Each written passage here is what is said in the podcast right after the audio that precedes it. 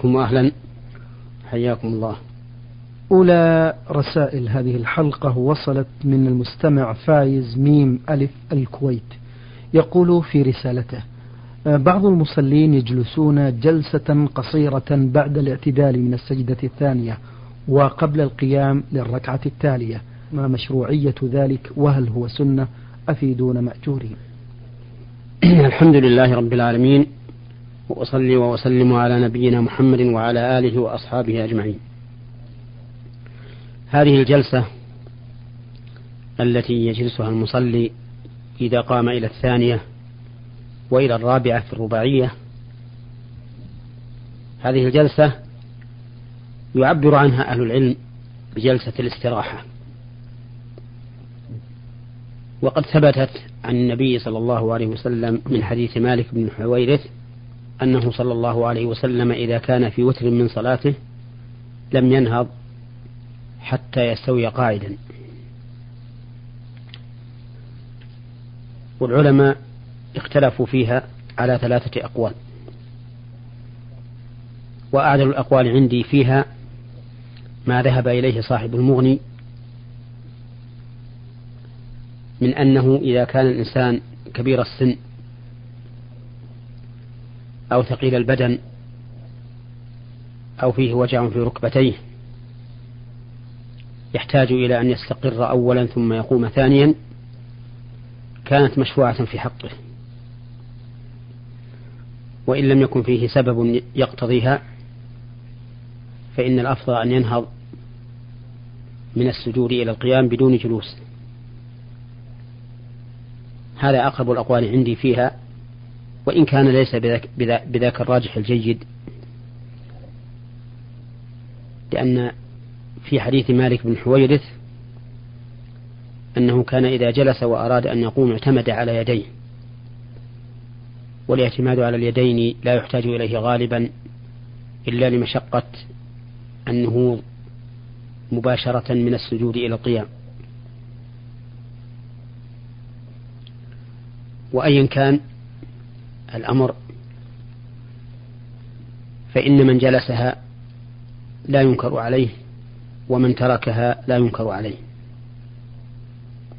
لأن غاية ما فيها أنها سنة وليست بواجبة. ولقد كان بعض الناس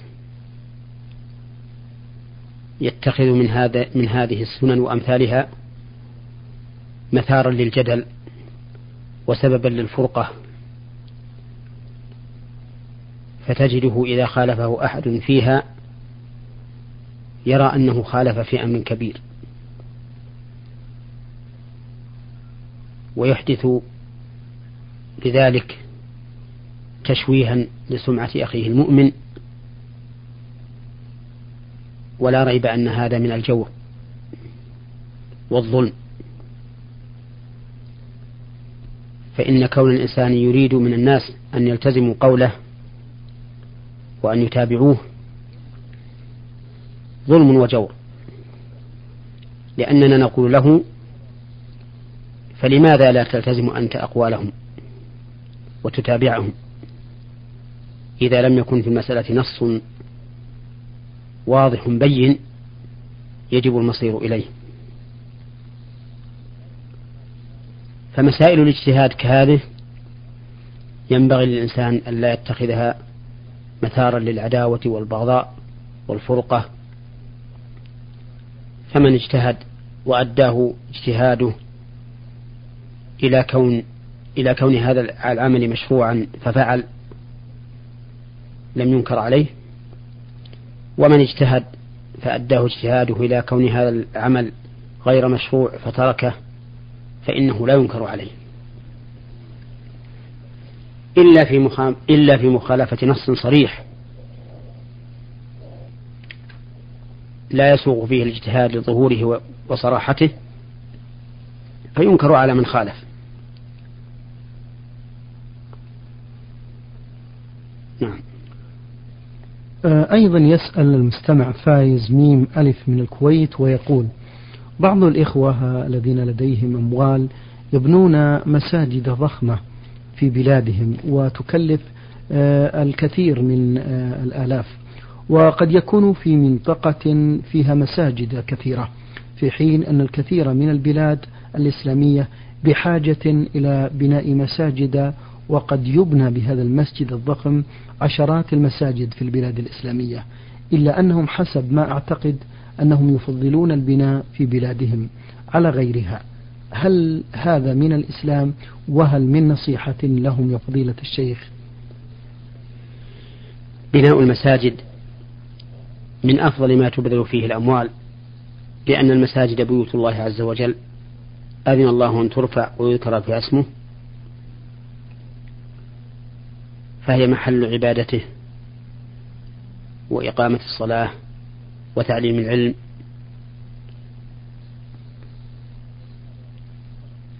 ولهذا ثبت في الحديث الصحيح حديث عثمان, حديث عثمان بن عفان رضي الله عنه أن من بنى لله مسجدا يبتغي به وجه الله بنى الله له بيتا في الجنة. وإنفاق الأموال فيها من أفضل الأعمال. وأجرها دائم مستمر ليلا ونهارا ما دام المسلمون ينتفعون بها. وهي أفضل من كثير من الوصايا التي يوصي أهلها بها في أضاحي ونحوها لأن نفع الأضاحي إنما يكون في وقت مخصوص معين وهو أيضا مقصور على أهل الميت ونفر قليل ينتفعون به. بخلاف بناء المساجد فإنه أعم نفعا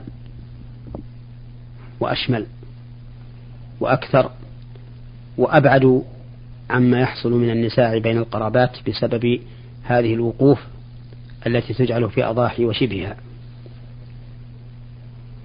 ولهذا نحن ننصح دائما من يستشيرنا في وصاياه أن يجعلها في مساجد ونحوها مما لا علاقة له بين القرابات حتى يحصل بينهم النزاع والعداوة بسبب هذا الشيء الطفيف. وإذا كانت المساجد مما يتقرب به العبد إلى الله فإنه كلما كانت أنفع وأوسع شمولا كانت أفضل.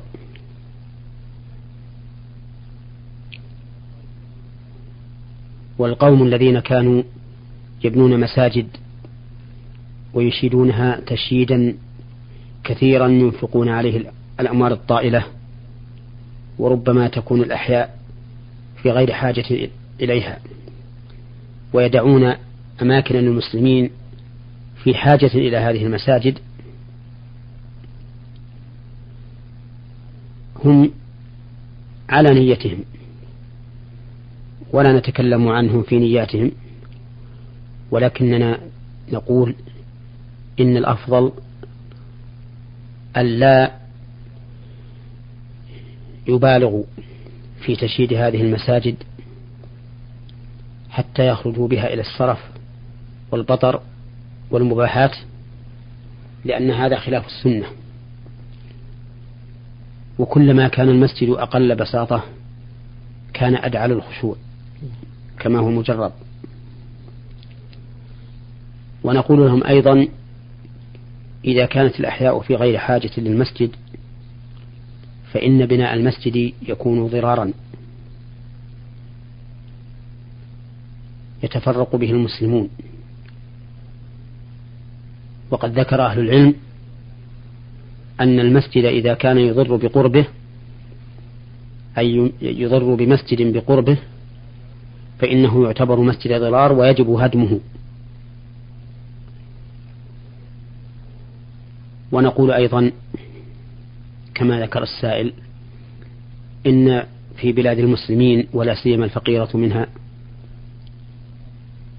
فيها أماكن محتاجة إلى بناء المساجد وربما يبنى بنفقة هذا المسجد عدة مساجد تنفع المسلمين.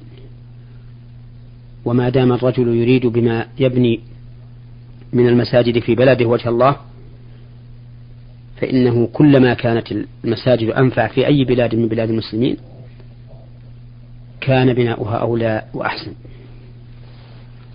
آه هذه رسالة آه وصلت من المستمع محمد آه خير من سوريا يقول في رسالته هل يشترط الجهر بالصلوات الجهرية كلها؟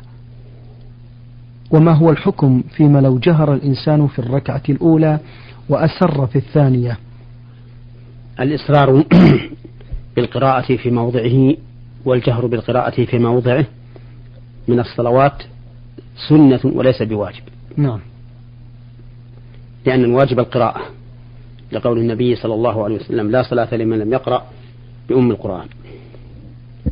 فإذا جهر الإنسان في موضع الإصرار أو أسر في موضع الجهر فإن كان غرضه مخالفة السنة فلا شك أن هذا محرم وخطير جدا. وإن كان لغرض آخر إما تهاونا السنة وإما لسبب يقتضي الإصرار أو الجهر والظروف التي تقتضي ذلك لا لا نستطيع أن نحصرها في هذا المقام فإنه لا بأس به. بل لو تعمد ترك الإصرار في موضع الإصرار أو ترك الجهر في موضع الجهر وليس قصده الرابح عن السنة والحجر لها فإنه لا يأثم ولكنه فاته الأجر. ولكن قد ثبت في الصحيحين أن الرسول صلى الله عليه وسلم كان في السرية ربما يجهر بالآية حتى يسمعها من خلفه أحيانا. فإذا فعل الإمام ذلك فلا حرج. هذا بالنسبة للإمام. أما بالنسبة للمأمومين فإنهم لا يجهرون بالقراءة لأن ذلك يشوش يشوش على الآخر على الآخرين. وقد خرج النبي صلى الله عليه وسلم على أصحابه وهم يقرؤون ويجهرون بالقراءة. فقال صلى الله عليه وسلم لا يجهر بعضكم على بعض في القرآن أو قال في القراءة. فمتى كان في رفع الصوت تشويش على الغير فإنه ينهى عنه. وبهذه المناسبة أود أن أنبه على أن بعض الناس يفعلون شيئا يحصل به التشويش وهم يريدون الإحسان إن شاء الله تعالى. إذا أقاموا الجماعة فتحوا مكبر الصوت من على المنارة. فتجدهم يشوشون على المساجد التي بقربهم وعلى المصلين في البيوت. وربما أضروا بأناس آخرين يريدون الراحة لأنهم أدوا ما وجب عليهم. فلنفرض أن في البيوت من هم مرضى وقد أدوا الصلاة ويريدون أن يستريحوا فتكون هذه الأصوات مقلقة لهم أحيانا. وإذا كانت هذه الأصوات تشوش على المساجد الأخرى فإن الحديث الذي أشرنا إليه وقد رواه مالك في الموطأ وصححه ابن عبد البر فإن هذا الحديث فإن حالهم هذه تنطبق على الحديث الذي أشرنا إليه والذي قال فيه النبي عليه الصلاة والسلام لا يجهر بعضكم على بعض في القرآن أو قال في القراءة. ثم إن في رفع الصلاة من على المنارة فيه سبب للكسل والتواني. فإن الذين يسمعون هذا من أهل البيوت يقول الواحد في نفسه الإقامة توها وبيمدين آخر أدرك آخر ركعة ثم يمضي به الأمر حتى تفوته الصلاة. لأنه يسمع الإمام فتجده يتهاون وتدعوه نفسه للكسل أما إذا كان ذلك لا يسمع فإن كل أحد يسمع الأذان سوف يتهيب يتأهب سوف يتأهب للصلاة ويخرج إليها. فالذي أرى في هذه المسألة ألا ترفع الصلاة من على مكبرات الصوت فوق المنارة لما ذكرت من الحديث ومن العلل التي تحصل التي تستلزم أن لا ترفع الصلاة من على المناير.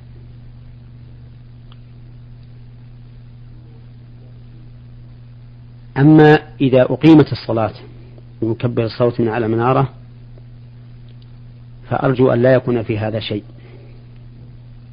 على أن بعض الناس اعترض وقال إن رفع الإقامة من على المنارة فيه أيضا سبب للكسل لأن الإنسان إذا سمع الأذان انتظر وقال أبقى حتى تقام الصلاة. ولكن الذي أرى أنه لا بأس به. ففي الحديث الصحيح عن النبي صلى الله عليه وسلم أنه قال إذا سمعتم الإقامة فامشوا إلى الصلاة وعليكم السكينة والوقار ولا تسرعوا. وهذا دليل على أن الإقامة في عهد النبي عليه الصلاة والسلام تسمع من خارج المسجد.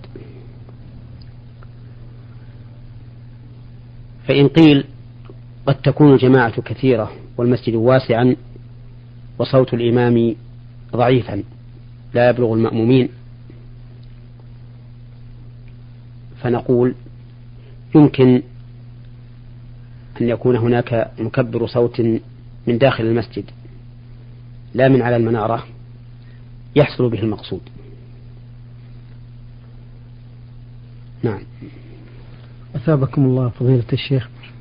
رسالة بعث بها المستمع آه آه ميم عين ألف من السودان. يقول في رسالته إنني قد تزوجت ودخلت على زوجتي ولكن ظهر لي بأنني قد رضعت مع أختي الزوجة. فهل تحرم علي في مثل هذه الحالة؟ أرجو إفادة. نعم. إذا كان الأمر كما قلت أنك رضعت من أخت الزوجة من أمها يعني رضعت من أم الزوجة أو من زوجة أبيها فإنك بهذه الحال تكون أخا لها ويكون العقد باطلا. لكن يجب أن تعرف أن الرضاع لا أثر له إلا أن يكون خمس رضاعات فأكثر في الحولين قبل الفطام. فإن كان رضعة واحدة أو رضعتين أو ثلاث رضعات أو أربع رضعات فإنه لا أثر له ولا يحصل به التحريم. فإذا تيقنت أنك رضعت من أم هذه المرأة التي تزوجتها أو من زوجة أبيها رضعت خمس رضعات فأكثر في الحولين فإنه يجب الفراق بينكما لعدم صحة النكاح. وما حصل من الأولاد قبل العلم فإنهم ينسبون إليك شرعا. لأن هؤلاء الأولاد خلقوا من ماء بوطء في شبهة والوطء بالشبهة يلحق به النسب كما نص على ذلك أهل العلم. نعم. آه، من العراق بعثت المستمعة آه، والذي رمزت لاسمها بنون دال بهذه الأسئلة. تقول في في سؤالها الأول هل يجوز آه، صيام ستة أيام من شوال قبل صيام قضاء رمضان؟ فإذا لم يجوز هذا هل يجوز صيام يوم الاثنين من شهر شوال بنية قضاء رمضان وبنية صيام شوال وبنية أجر يوم الاثنين؟ صيام ستة أيام من شوال لا يحصل ثوابها إلا إذا كان الإنسان قد استكمل شهر رمضان.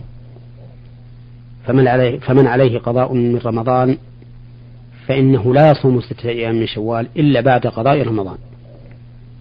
لأن النبي صلى الله عليه وسلم يقول من صام رمضان ثم أتبعه بست من شوال. فيقول من صام رمضان ثم أتبعه. ومن عليه قضاء من رمضان لم يكن قد صام رمضان. وعلى هذا فنقول لمن عليه القضاء صم القضاء أولا ثم صم ستة أيام من شوال وإذا اتفق أن يكون صيام هذه الأيام الستة في يوم الاثنين أو يوم الخميس فإنه يحصل له الأجر بنيته. أجر الأيام الستة وأجر الاثنين أو الخميس. لقول النبي صلى الله عليه وسلم إنما, إنما الأعمال بالنيات وإنما لكل امرئ ما نوى. نعم. آه، المستمع من العراق تسأل أيضا وتقول إذا كلمني رجل من أقربائي أو من الوسط الذي أعمل فيه هل يحق, هل يحق لي النظر إليه بنية بريئة أم أرد عليه دون النظر إليه؟ أرشدونا بارك الله فيكم. هذا الذي ذكرته لا بد أن نعرف هل هي كاشفة الوجه أمام هذا الذي كلمها وليس من محارمها أم أنها مغطية وجهها؟ وهل الكلام حصل مع الخلوة أو بدون خلوة؟ إذا كان مع الخلوة فإن ذلك حرام ولا يجوز لأن النبي صلى الله عليه وسلم قال لا يخلون رجل بامرأة. إلا مع ذي محرم. وإذا كان وهي كاشفة الوجه فهو أيضا لا يجوز لأن المرأة يجب عليها أن تستر وجهها عن غير زوجها ومحارمها. فلا يحل لها أن تكشف زوجها أمام أبناء عمها أو أبناء خالها أو أمام أناس آخرين إلا أن يكونوا من محارمها.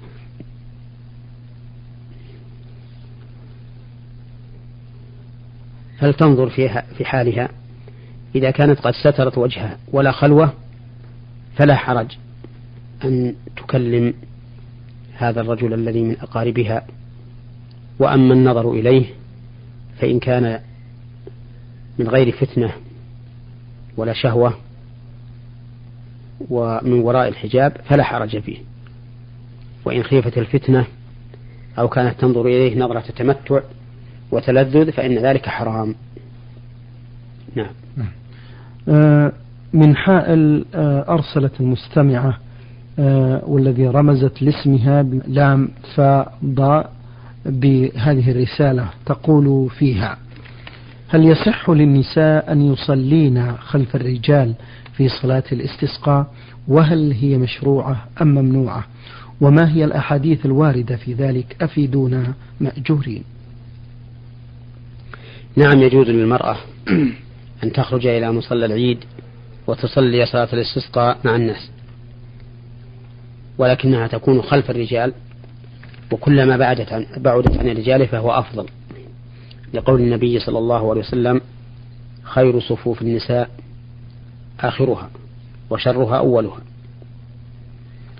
وقد ثبت عن النبي عليه الصلاة والسلام في صلاة العيد أنه أمر النساء بأن يخرجن يحضرن الخير ودعوة المسلمين وأمر الحجر أن يعتزلن المصلى. فإذا خرجت المرأة إلى صلاة الاستسقاء لتحضر دعوة المسلمين وتلتمس الخير فلا حرج عليها في ذلك لكن يجب أن تكون غير متبرجة ولا متطيبة. وها هنا أمر يجب التفطن له. وهو أن النساء إذا صلينا في المساجد مع الجماعة تجد بعضهن تصلي منفردة وحدها خلف الصف ولا يعتبرن الصفوف شيئا. وهذا خلاف السنة. فالنبي صلى الله, صلى الله عليه وسلم قال خير صفوف النساء. فبين أن للنساء صفوفا. وقال لا صلاة لمنفرد خلف الصف. فإذا كانت المرأة مع نساء فإنه لا يجوز لها أن تصلي منفردة خلف الصف. إلا إذا كان الصف تاما فإنها تصلي خلف الصف ولا حرج عليها كالرجل. نعم. بارك الله فيكم. آه، من مصر بعث المستمع آه، توفيق محمد خليفة مصري الجنسية آه، بهذه الرسالة يقول فيها إنني متزوج من بنت خالتي. بعد زواجي منها بسنة غادرت إلى العراق للكسب وعندما وصلت إلى العراق قام والدي ووالدتي بطرد زوجتي علما بأنني أنجبت منها طفلة وأريد السفر من العراق إلى مصر حيث أنها موطني. من بعد غربة استمرت ثلاث سنوات وأنا في حيرة من أمري. هل عند وصول البلد أذهب أولا إلى والدي ووالدتي أم أذهب إلى زوجتي وابنتي علما بأن والدي ووالدتي يرغبون في طلاقها؟ أرجو منكم الإفادة. بارك الله فيكم. نقول إن كل من والديك وزوجتك وابنتك له حق عليك ولكن الأفضل أن تبدأ بوالديك أن تبدأ الأفضل ولكن الأفضل أن تبدأ بوالديك. فتذهب إليهما وتسلم عليهما وتجلس معهما ما شاء الله ثم تنصرف إلى أهلك إلى زوجتك وابنتك. ومعلوم أن إقامتك الأكثر سوف تكون عند زوجتك وابنتك. وسوف تأتي إلى أهلك على سبيل أو وسوف تأتي إلى والديك على سبيل الزيارة. في نهاية هذه الحلقة آه، نشكر الشيخ محمد